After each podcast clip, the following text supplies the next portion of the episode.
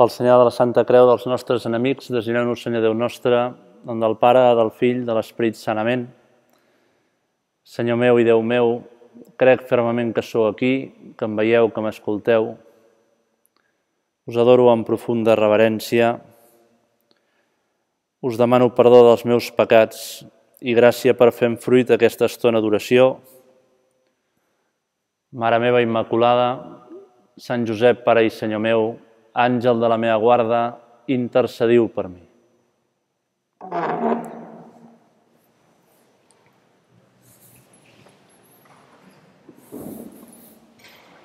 Amb la vostra llicència, sobirà Senyor sacramentat.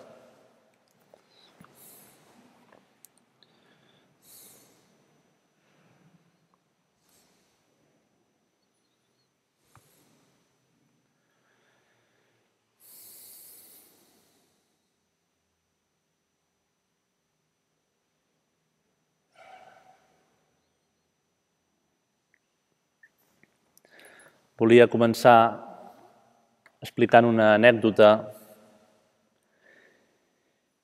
molt relatada per la mateixa protagonista. Trabajo como enfermera y llevaba unos meses atendiendo al hombre más desagradable que puedas imaginarte. El micro ah, està, està apagat.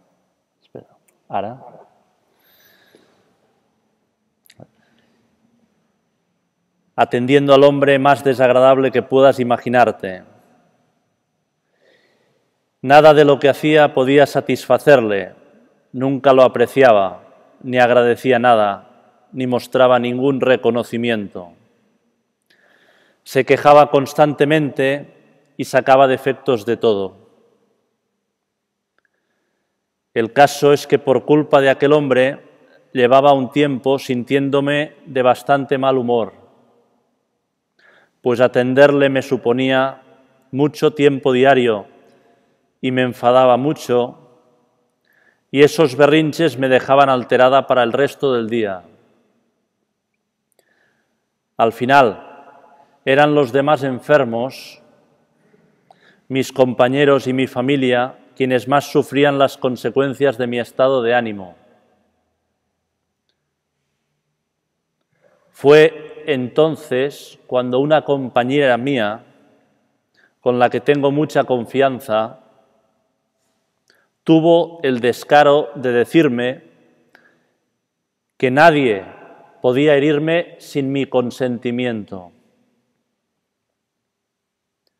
Me explicó que en el fondo era yo quien elegía mi propio estilo de vida emocional que me llevaba a la infelicidad. De entrada, me pareció que su consejo era teórico e inaceptable.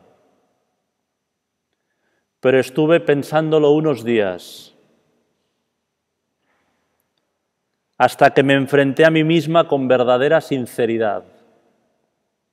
Y empecé a preguntarme, ¿soy en realidad capaz de influir en mi reacción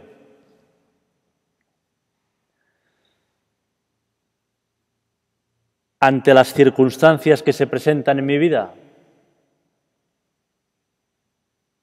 Cuando por fin comprendí que sí podía hacerlo, o que al menos podía hacerlo bastante más, entendí que el hecho de que yo me sintiera tan desgraciada era básicamente culpa mía. Fue entonces cuando supe que podía elegir no serlo, que debía liberarme de esa extraña dependencia, están molt mesurades les paraules, esta extraña dependencia del modo en que me estaba tratando este paciente. Tenim una cosa que ens afecta de fora, ens quedem com obsessionats donant-li voltes. Dependencia. Aquello fue un descubrimiento que ha influido mucho después en mi vida. Ahora lo veo, varios años después, Desde entonces atiendo a este tipo de personas de una forma distinta. Ya no se me hacen odiosos como antes. Es más, estoy convencida de que tratar con ellos me hace mucho bien. Realment, les dificultats i les agressions exteriors afecten molt el nostre estat d'ànim, com fem les coses. I és un gran descobriment quan ens posem a la presència del Senyor i descobrim que el Senyor les permet perquè ens purifiquem interiorment, perquè traiem or de la contradicció, del foc de la contradicció. Aquesta anècdota sempre m'ha agradat molt i em va venir al cap durant el confinament quan una senyora em va explicar una anècdota que li havia passat, una, una història. Havia parlat amb una amiga seva que estava trista, no només trista, sinó que estava enfonsada, més enllà de trista. No? Estava cremada. Li havien fet un ERTE i això li havia provocat pues, una contradicció molt potent i ja no només una tristesa, sinó que li havia canviat l'estat d'ànim. Estava de mal humor, estava desanimada, estava enfonsada, cremada, tant de temps treballant per aquesta empresa, tants sacrificis fets, tantes hores dedicades, se sentia menyspreada, no l'havien tingut en compte. Estava amargada. Tot ho veia negatiu. Aquesta noia que estava parlant amb ella em va explicar que veient aquesta amiga seva, escoltant-la, empapant-se dels seus sentiments amb aquesta empatia que tenen les dones més que els homes, el que també podem tenir nosaltres és una virtut, li havia provocat un sentiment contrari.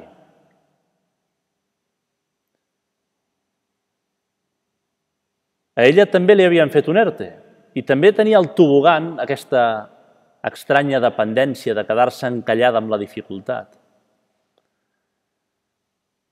Però en sentir la seva amiga i veure com estava, va fer un canvi, li havia provocat el contrari. Va començar a pensar lo agraïda que havia d'estar aquella empresa per tots els anys que l'havien possibilitat treballar i realitzar-se allà. Tants anys de poder servir, de poder realitzar-se fent el treball. Tants anys d'arribar puntual a les 8 del matí, d'acabar a l'hora, de, de servir, de donar-se als altres, cobrant, però tants anys de poder-se realitzar, de poder treballar. A mi aquesta explicació d'aquesta noia em va, ser, em va fer pensar en la infermera, com una mateixa realitat, un home desagradable que et maltracta, injust, una espècie de bèstia, o l'ERTE, pot provocar diferents situacions. A una l'amarga i en canvi l'altra li fa descobrir, dius, carai, totes les coses bones que he tingut, lo agraïda que puc estar.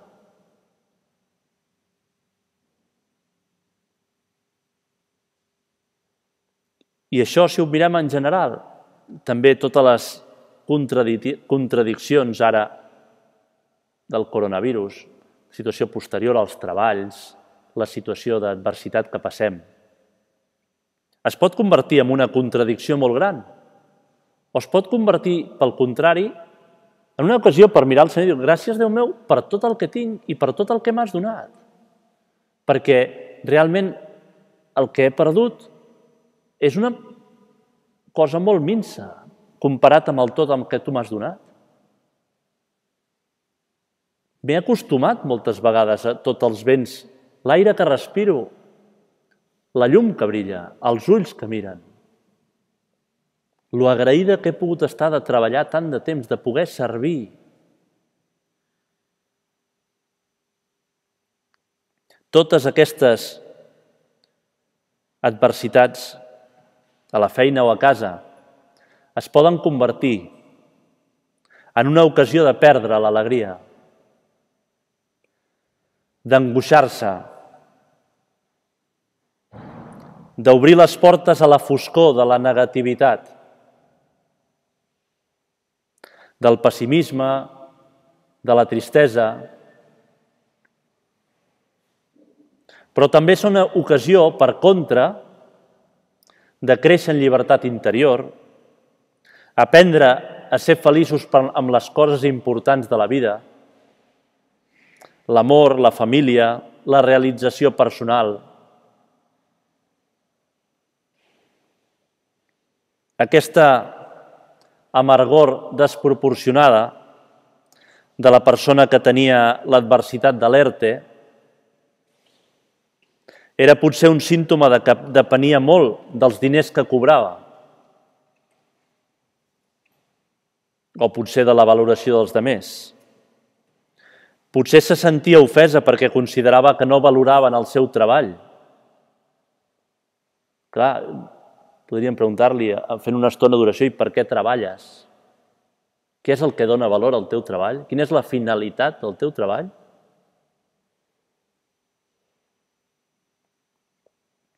I avui, en aquest recés mensual, de desescalada, de poder estar davant del Senyor ja en aquesta octava del corpus i tenir aquesta sort. Podem posar-nos davant del Senyor i pensar una miqueta per què treballem?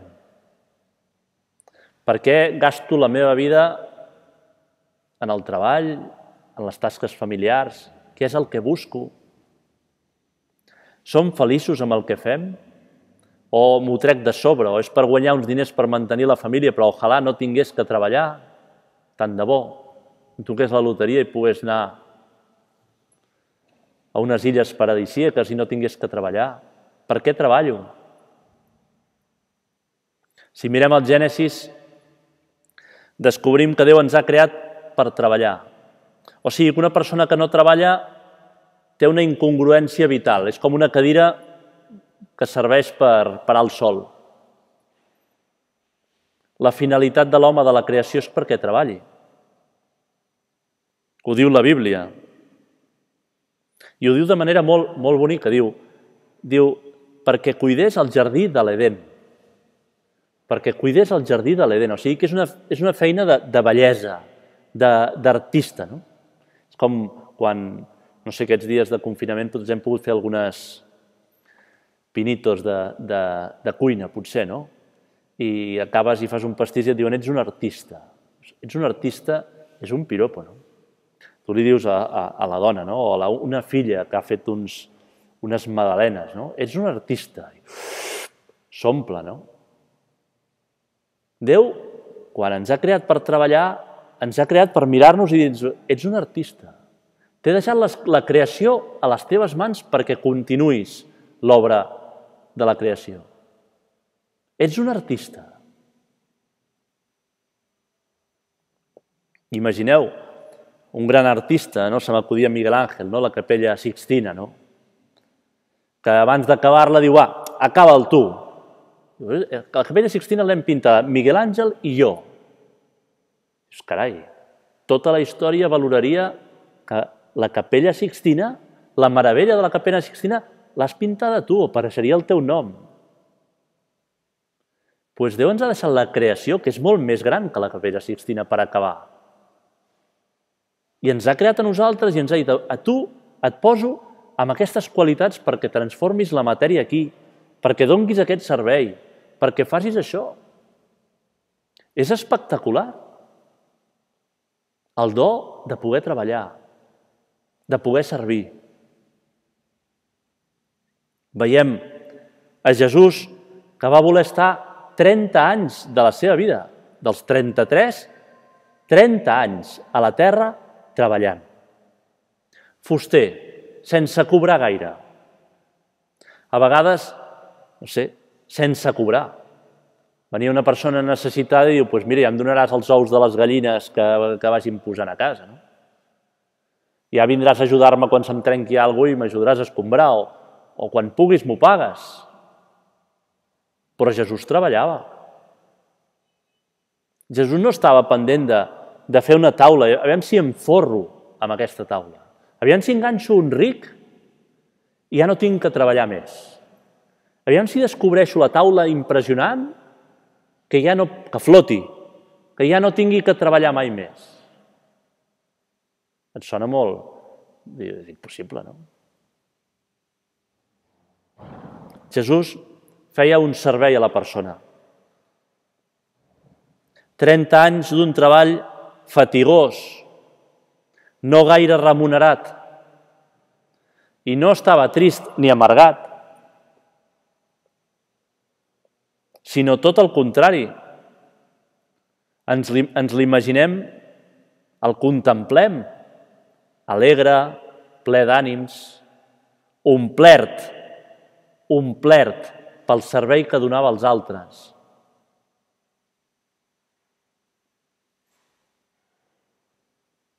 Molts cops et trobes gent que centralitza molt el paper dels diners amb el treball, en la societat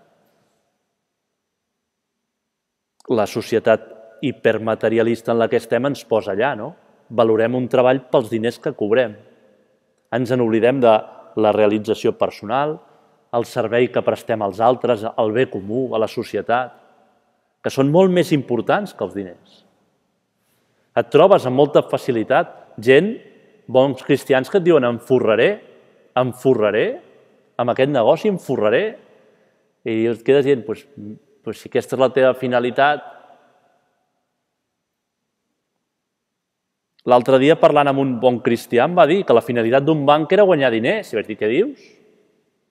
La finalitat d'un banc, guanyar diners. Ens imaginem que, que a Jesús, no? que diu, no, no, la finalitat, jo treballo per guanyar diners. I dius, home, no. Treballo per donar un servei, treballo per realitzar-me. Sí que és veritat que hi ha una justícia i que convé cobrar el que, el que és degut. Però aquests diners pertanyen a Déu, en el fons.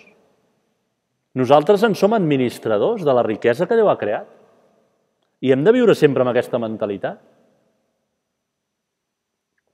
Igual que si tens diners a un banc i el banc els utilitza i, i, i els perd, el banc no et diràs que eren meus aquests diners, no són meus.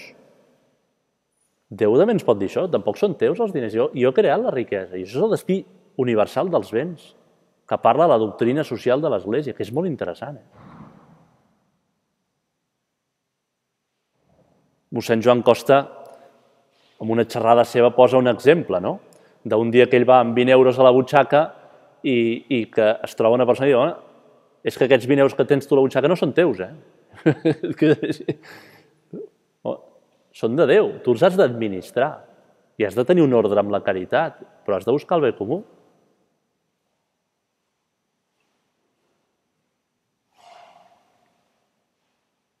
Em sembla que aquest món hipermaterialista en el que estem se'ns fica dins i és bo que fem examen. Els diners, encara que no ho, no ho diguem en gaire en veu alta, es poden convertir en el més important, en el principal.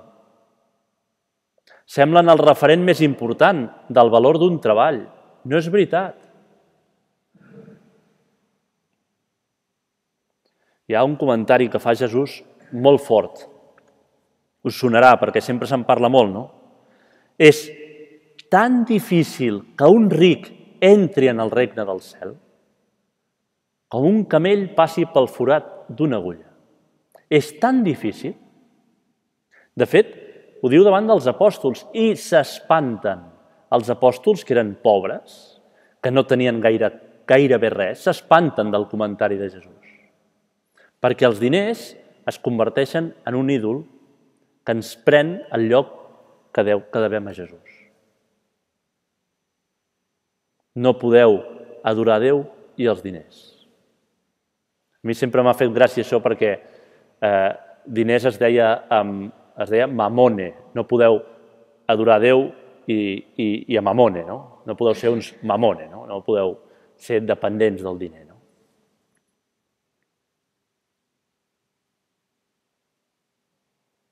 Quan Sant Josep Maria parla del treball, parla en primer lloc de santificar-nos a nosaltres mateixos. O sigui, fer-nos bons, omplir-nos, com Jesús treballant de fuster. Ser feliços, realitzar-nos amb el treball. Parla també de santificar els altres, fer-los feliços als altres, fer un servei als altres, fer apostolat, servir. I parla de santificar la realitat, fer-la ben feta, cooperadors de la creació, co-creadors, continuadors de la missió creadora de Déu, artistes que cuiden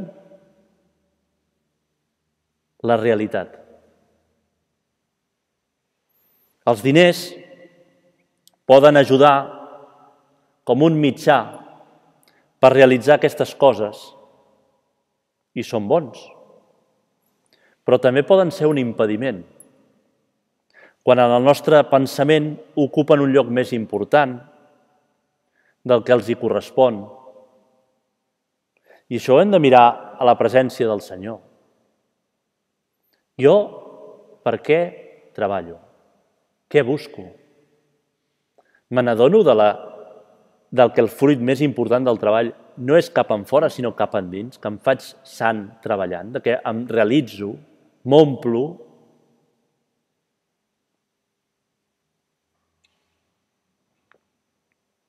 I també podríem dir d'altres, dependre del què diran, dependre de la valoració que tinc a la feina, Quina gran llibertat el poder no dependre ni dels diners ni, de, ni del que diran els altres, sinó fer-ho perquè, perquè vull canviar el món, perquè et vull, vull fer feliços als altres, Déu meu.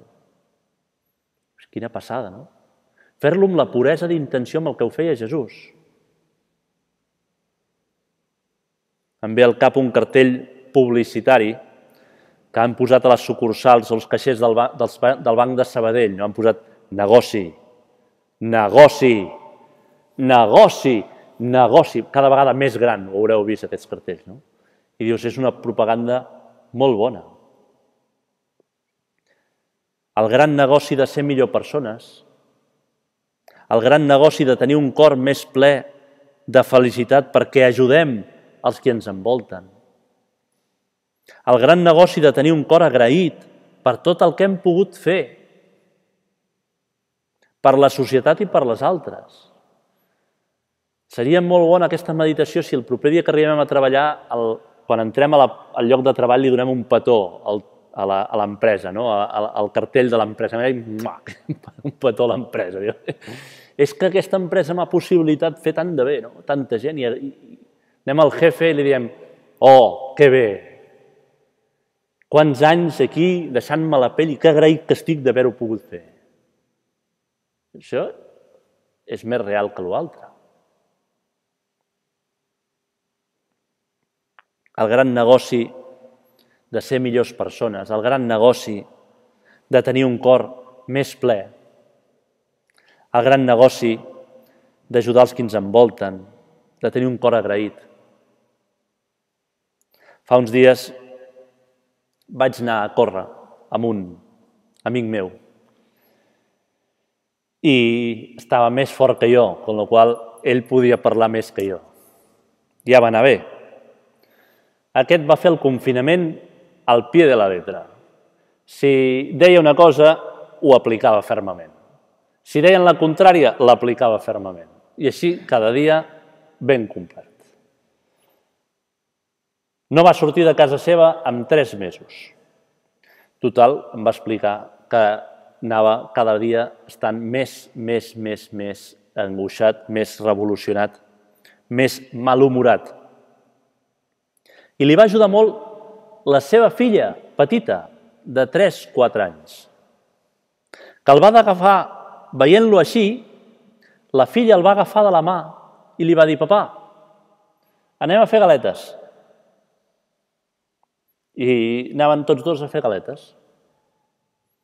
Un altre dia, papa, anem a fer un pastís. I agafava el pare, perquè deixés de donar-li voltes a les coses, anem a fer un pastís.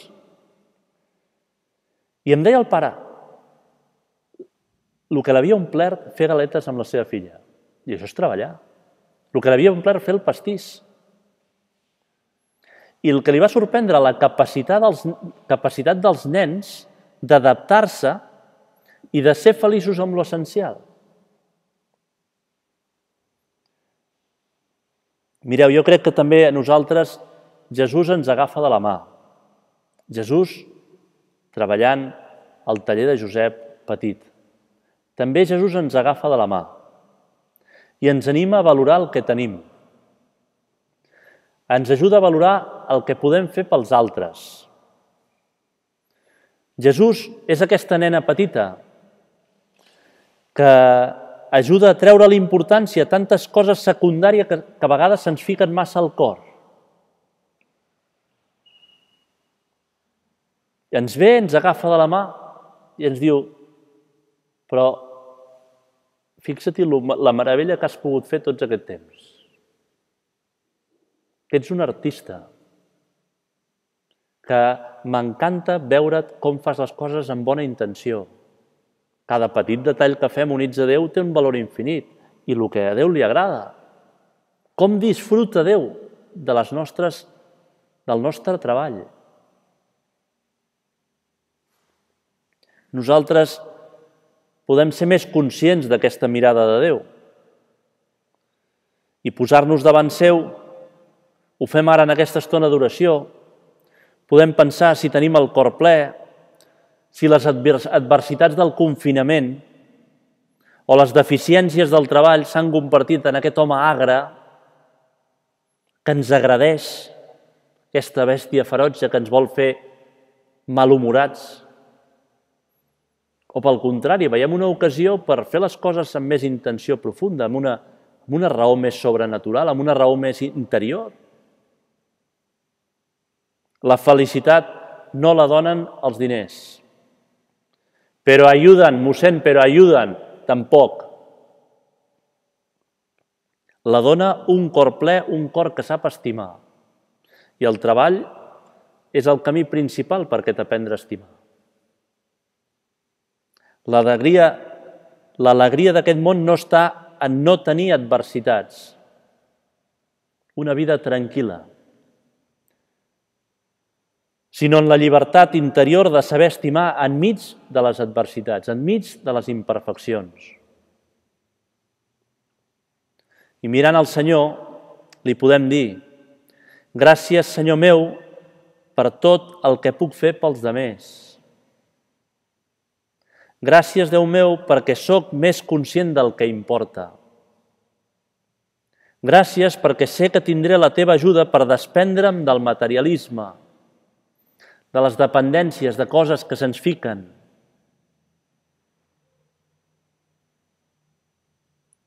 Gràcies, Déu meu, perquè purificaré el meu cor per omplir-lo més d'amor als altres i a tu. A més, ara ve un temps de, d'estar amb els ulls molt oberts, què puc fer pels altres? Per tota aquesta gent que està patint més que jo. No? Què puc fer pels altres? Com em puc desviure per ells? Com els hi puc fer la vida agradable? Com puc servir més als necessitats? Realment, aquestes adversitats, aquests ertes de la meva vida, m'ajudaran a purificar el meu cor, saber estimar. Mirem per acabar a la Mare de Déu i li demanem, ajuda'm, Mare meva, a descobrir el valor de les carícies i petons al nen Jesús amb cada petit detall de feina, amb cada petit detall d'amor als altres, amb cada mirada cap al cel. Són carícies i petons a Jesús nen. Mare meva, que sigui més conscient d'aquesta realitat, que és el motiu per treballar.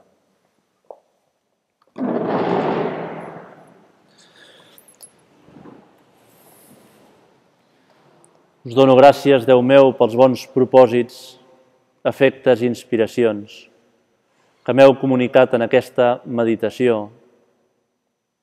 Us demano ajuda per posar-los per obra.